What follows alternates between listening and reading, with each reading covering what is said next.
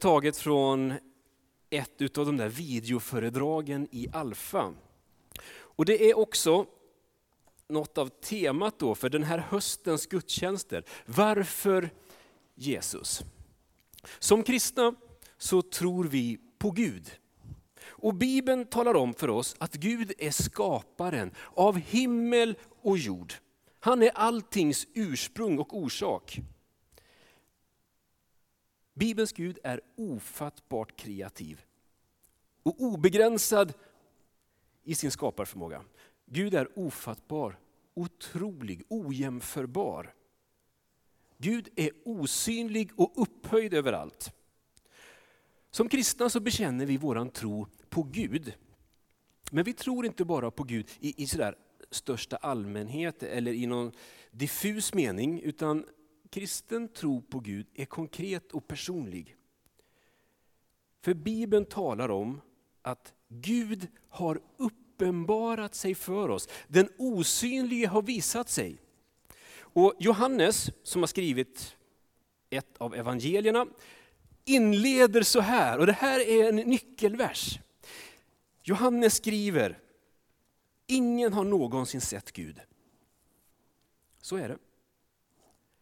Men den enda sonen, själv Gud, alltid nära Fadern, alltså Jesus, han har förklarat honom för oss.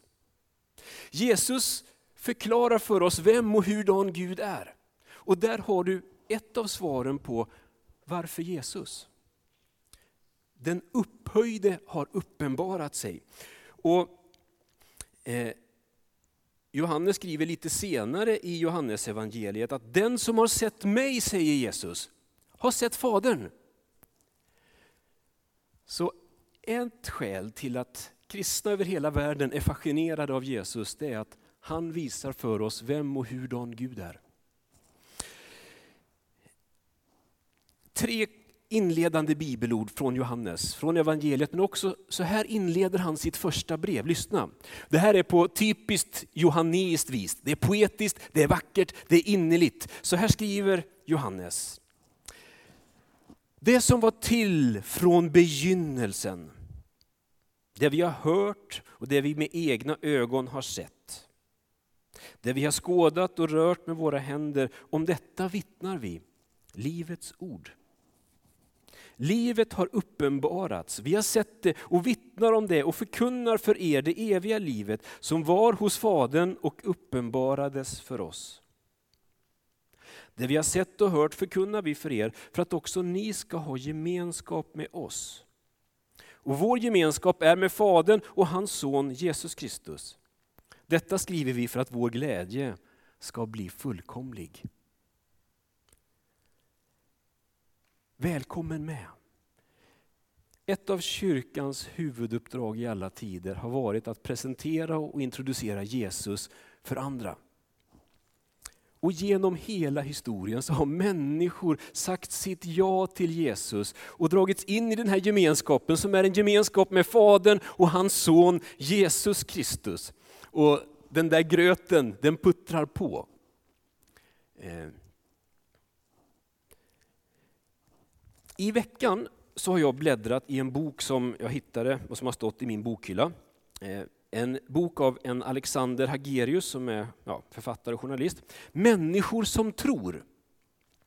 En, en jätteintressant bok faktiskt. Det är en slags reportagebok där, vi, där Alexander då har träffat på ganska många människor. Män och kvinnor, yngre, äldre. Alla är på ett sätt olika. De kommer från olika sammanhang, olika kyrkliga miljöer och kontexter.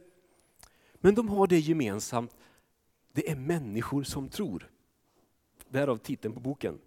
Och när man bläddrar i den här så är det fascinerande att läsa, för det blir så påtagligt att det finns så många olika vägar och sätt att lära känna Jesus.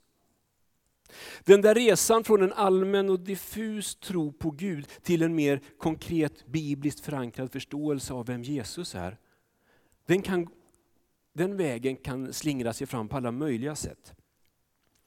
Ämnet för våran predikan inledningen på den här hösten, varför Jesus kopplar an till det här. Vi skulle vilja presentera och introducera Jesus för den som kanske inte riktigt har funnits med i någon kyrklig miljö.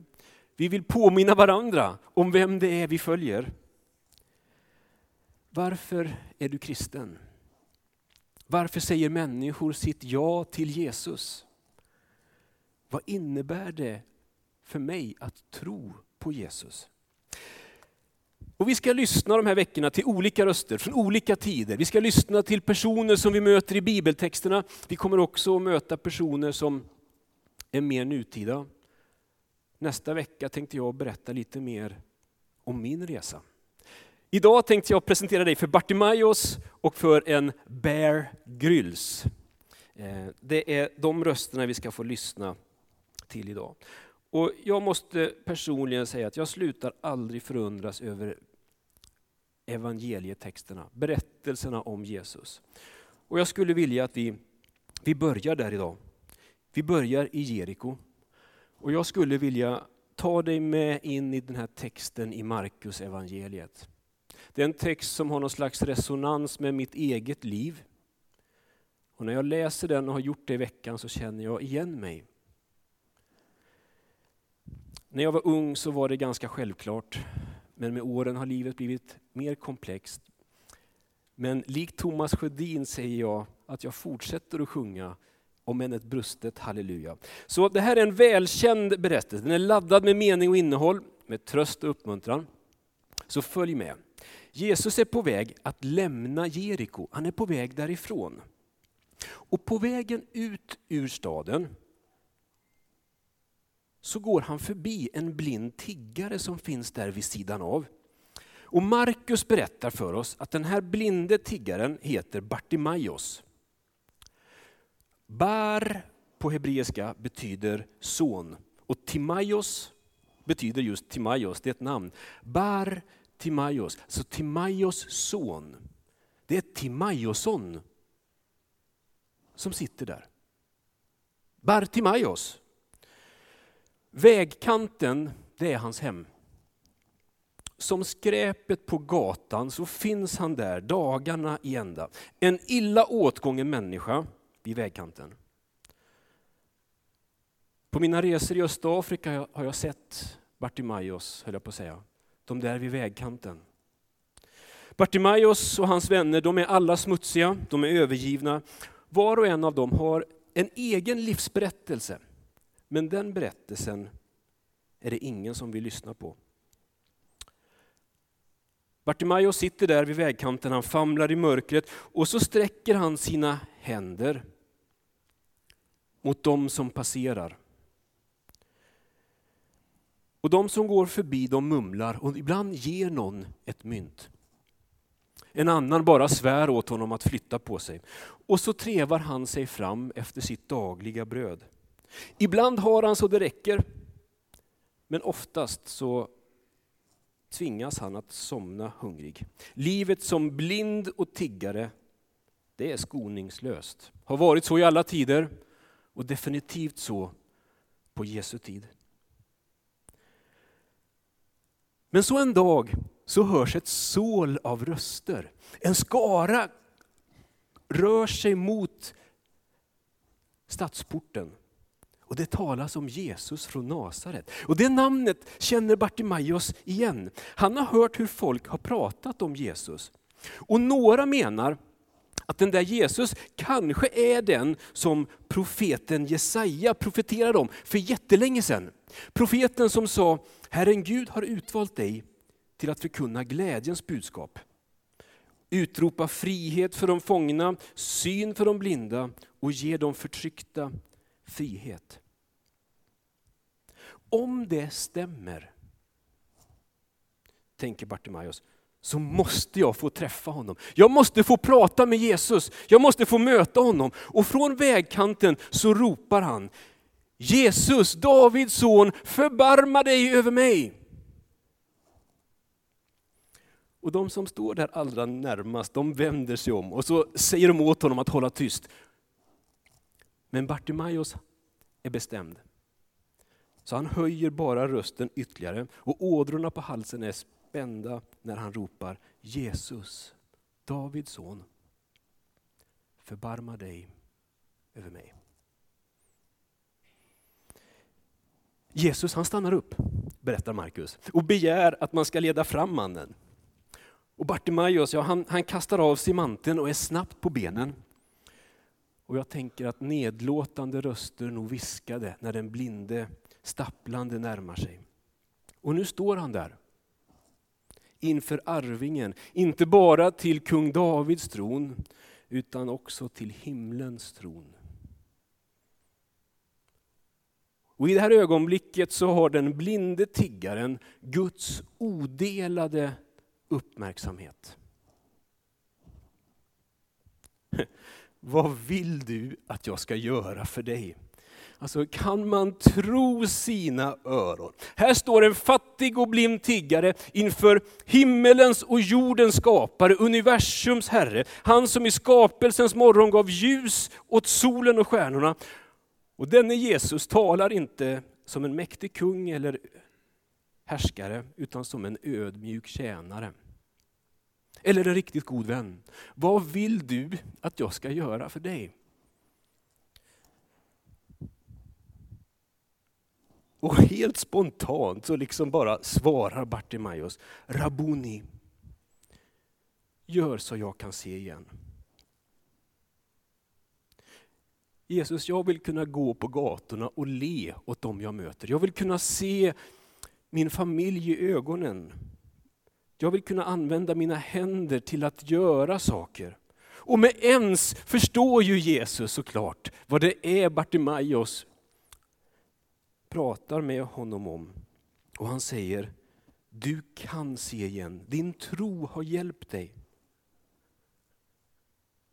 Och där och då sker det där förundliga, det obegripliga, det som vi inte kan greppa och fatta. Men på ett ögonblick så berättar Markus att Bartimaeus övergår från mörker till ljus. Hur solen liksom bländar honom och han ser den klarblå himlen, molnen, några duvor som seglar fram över hustaken. Han ser husen, han ser människornas häpna ansikten. Och så vänder han sig om. Och så får han se Jesus. Den här bibelberättelsen är välkänd för många. Jag har bläddrat genom Markus och läst den här texten i veckan. Och jag tänker och har tänkt att Bartimaeus är en förebild för oss alla på många sätt. Inte minst i det att han vänder sig till Jesus. Han är ivrig att få komma i kontakt med Jesus. Han ropar på Jesus. Och där kanske några av oss, vi svenskar, vi studsar till lite. Är inte det där lite överdrivet? Att ropa, är inte det lite, alltså det här är, vi blir lite obekväma av det där högljudda, är inte det lite extremt? Den frågan tror jag nog en del av oss kan fastna för. David Turfjell är en, en intressant person, en kulturpersonlighet, en, en religionshistoriker. Han säger själv att han inte är eh, bekännande kristen, men han har skrivit flera uppmärksammade böcker Eh, och i sommar så var han också en av sommartalarna, säger man så? På P1 i sommar. Kanske några av, någon som hörde honom förresten? Bara intressant. Ja, typ två, ja, några. Mm. Eh, I det här sommarprogrammet så berättar han bland annat om några inskriptioner som finns i ett antikt tempel i Grekland, i staden Delphi. Och de där inskriptionerna nämner han. Det här är alltså visdomsord från det antika Grekland. Har ingenting med kristen tro jag egentligen, det är ett helt annat sammanhang, men det finns visdom att hämta där. Och där står det då ins, säger man, inskripterat, inristat. Känn dig själv. Inget till överdrift. Tvärsäkerheten leder till förfall. Och David noterar att de där visdomsorden präglar eller beskriver oss svenskar ganska väl. Hur vi förhåller oss till tro och andlighet. Inget till överdrift. Tvärsäkerheten leder till förfall. Inget till överdrift. Alltså akta dig för det där extrema, det sekteristiska. Akta dig för att komma allt för nära och beröras. Bättre då att stå lite vid sidan av och lågmält betrakta på avstånd. Bättre då att förhålla sig nyanserat och balanserat, att inte dras med i känslor, att inte ropa. Vi svenskar, och jag tänker att ni som har bott här i Sverige fastän ni är födda någon annanstans, har nog formats lite av det här också över tid. För man formas av sin kontext. Vi svenskar vi är allergiska med det som vi uppfattar som överdrivet. Därför ser vi på varandra och vi undrar, är inte Bartimaeus lite extrem? Inget till överdrift. Men samtidigt, tvärsäkerheten leder till förfall. Ska man vara så säker på att alla överdrifter ska undvikas? Alltså, jag tänker, visst ligger det något sunt och gott i att vara uppmärksam och noga med det som har med själen att göra. Det som har med mitt innersta och med Gud att göra. Allt som glimmar är inte guld. Det finns andlighet som är destruktiv. Men Bartimaeus, han är angelägen. Jag tror nästan han är desperat. Han är inte alls passiv eller neutral, utan i högsta grad aktiv. Och jag har mött, inte minst när jag reser i Östafrika, människor som är likt Bartimaeus. Och samtidigt så undrar jag ibland om inte min och vår försiktighet, vår rädsla att inte ha kontroll, vår rädsla för att komma nära och beröras, att det gör att vi blir hämmade och begränsade i vårt förhållningssätt till Jesus och till varandra av rädsla för det extrema så finns ju risken att vi hamnar i någonting som är raka motsatsen. Vi förhåller oss ljumt, lojt, livlöst. Och då kan man ju fråga sig, vad är skillnaden mellan farlig extremism och en slags sund överlåtelse? Vad är vad? Var går gränsen? Och var finns vi som församling på det spektrat? Var finns Korskyrkan där? Var finns jag? Var finns du? I ditt relaterande till Jesus. Jag tror att vår risk är att vi som församling rent allmänt är överdrivet försiktiga i vårt förhållningssätt till Jesus. Ibland tror jag faktiskt det. Vår församling har många steg innan jag skulle börja höja flaggor för farning för överdrivna. Men vägen från vägkanten, från att höra talas om Jesus till att möta honom, det börjar med att Bartimaeus ropar. Han ber. Bönen är vägen till mötet med Jesus. Och när vi bläddrar i vår bibel så framgår det att utan uppriktig bön så verkar sånt som tro och andlighet inte kunna växa och mogna. Bön öppnar upp för Bartimaeus att lära känna Jesus bättre. Och lyssna, din bön måste inte ropas ut. Det är inte det jag vill pusha idag. Bönen måste inte höras från estraden, den måste inte eka bland stolsraderna. Men hjärtats bön, den uppriktiga, den ärliga, den innerliga, den behöver uttryckas. Herre, förbarma dig över mig. Jesus, jag behöver dig. Jesus, kom till mig. Kom, Herre Jesus, kom. Hur är det med oss? Är vi måna om att få kontakt med Jesus?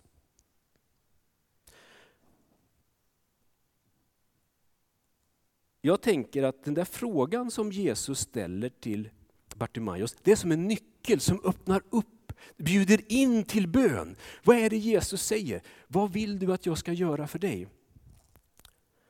Den frågan inbjuder ju oss att tala med Jesus om det vi har på hjärtat. Om vår situation, våra behov, våra önskningar. Det är en personlig fråga. Och han väntar på ett personligt svar. Och ibland undrar vi, hur ska jag be? Och då tänker jag, att den här frågan är på ett sätt en nyckel till det. Bön är att svara på Jesu fråga. Vad vill du att jag ska göra för dig? Tala med Jesus om det. Rabbla inte tomma ord, säger Jesus när han undervisar om bön. Rabbla ord och tomma ord, det är vad en papegoja gör. Det är vad hedningarna gör. Kristen bön handlar om att uttrycka det vi är och har. Bartimaeus han är blind, samtidigt klarsynt. Och hur det här går ihop, jag vet inte. Han är medveten om att han behöver få möta Jesus. Så hans synskada hindrar honom inte från att se och förstå att Jesus är den Messias som folket väntade på. Han ropar Jesus, Davids son. Han säger Rabboni. I de här orden så finns det en slags ett erkännande, en slags bekännelse. Bartimaios rop säger någonting om hans förståelse av vem Jesus är. Bartimaios, han känns vid att han behöver Jesus. Förra veckan under augustifesten så stötte jag på ganska många människor utanför kyrkan. Och någon uttryckte att kristen tro det är bara en krycka för svaga och klena människor. Eh, och då tänkte jag att det där har jag hört innan också. Ibland lite nedlåtande. Att kristen tro det är en krycka för svaga och stukade människor som inte klarar av att leva livet på egen hand. Och innan jag slutar min predikan idag så vill jag bara kort låta dig få höra en annan röst också. En mer nutida. Men en slags nutida Bartimaeus. Bear Grylls, han har alltså mitt förnamn Björn fast på engelska. Och för några av er så kanske han är känd. Det här är för många år sedan så var han en brittisk kommandosoldat. Han har varit äventyrare, författare, känd som programledare på TV. Och han har blivit kristen. Han har sagt sitt ja till Jesus och han medverkar i Alfa-kursens föredrag. Alfa, bara kort för dig som inte vet det Alfa är en kurs där man möts tillsammans med andra för att öppet, nyfiket och ärligt undersöka vad handlar kristen tro om. Börja med kvällsfika och sen har man ett kort videoföredrag och där finns han med, en kort snutt. Eh, och sen så har man ett samtal. Vi kör igång en alfakurs den 10 oktober. Fundera på om det finns någon som du kan komma tillsammans med. Det finns lappar ute på kyrktorget där också. Men Bear Grylls, han är, finns med i ett av de här videoföredragen. Och han ställer frågan så här, vad gör en krycka? Och tänk på, nu lyssnar vi till en eh, elitsoldat. Vad gör en krycka? Den är jättebra. Den hjälper dig att stå rak. Den gör dig starkare när du verkligen satts på prov och du gjort det illa. Under många år, säger han, tänkte jag att ensam är stark. Men är det sant? Stämmer det? Och så berättar han vidare om hur han kom till en punkt när han insåg att han ville inte leva livet på egen hand. Och han säger, min längtan efter ljus på insidan kom att bli starkare än rädslan för vad andra skulle tycka och tänka och säga. Och så säger han, det centrala i min kristna tro är att Jesus känner mig. Jag är köpt för ett pris, jag är välsignad med ljus.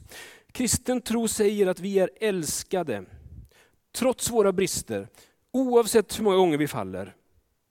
Och att Jesus på något sätt lyfter oss upp.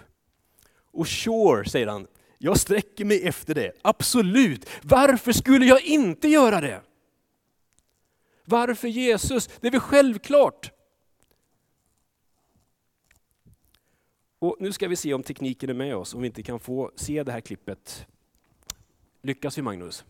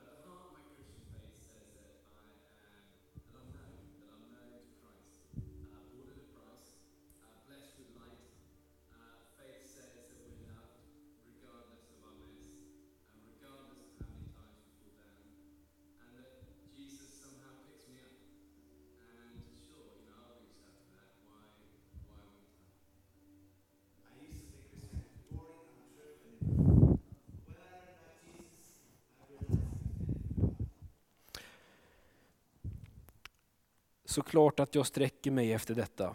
Efter denna Jesus som kommer till oss, finns där i vår närhet. Bön handlar om att vända sig till Jesus. När vi inte ber så säger vi indirekt att vi klarar oss på egen hand. Det vi inte ber om, som vi inte talar med Jesus om, det hanterar vi själva. Bartimaeus, Bear Grylls är två röster som talar in i vår gudstjänst idag om att faktiskt inte gå på egen hand utan faktiskt kännas vid att vi behöver Jesus som vår och världens frälsare. Och Jonas, välkommen fram.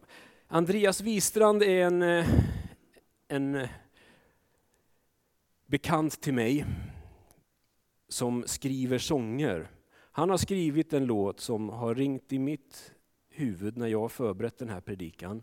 En sång om Jag behöver dig. Den har suttit i våran bil och våran funktionshindrade dotter Tia gillar den här skivan. Så varje, ja, lite nu och då, så kommer vi till spår 6. Och Andreas sjunger ut det som jag känner, det här är min bön.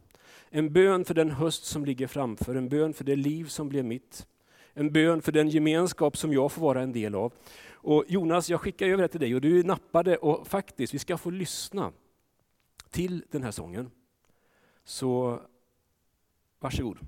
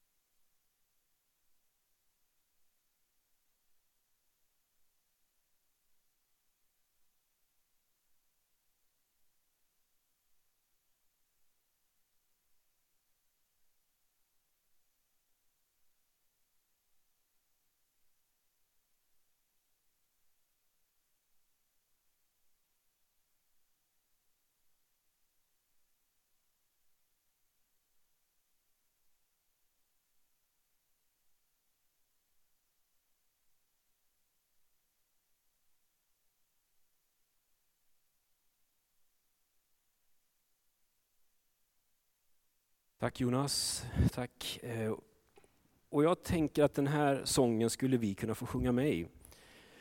Vi ska avsluta, liksom, den, den, avslutande delen idag i vår gudstjänst blir som vanligt att vi reser oss upp och så Jonas, kan inte vi få sjunga med? Och den här sången skulle kunna få bli också till vår bön. Och så öppnar vi upp till de böneplatser vi har. Enskild bön här framme vid korset. Det finns bönekrukor precis innanför kyrkdörrarna. Gula lappar läser vi upp, röda lappar lyfter vi upp i tystnad inför Herren. Och så finns Daniel och Vivian som förebedjare. Vill du att någon ska be med dig? Sök dig dit.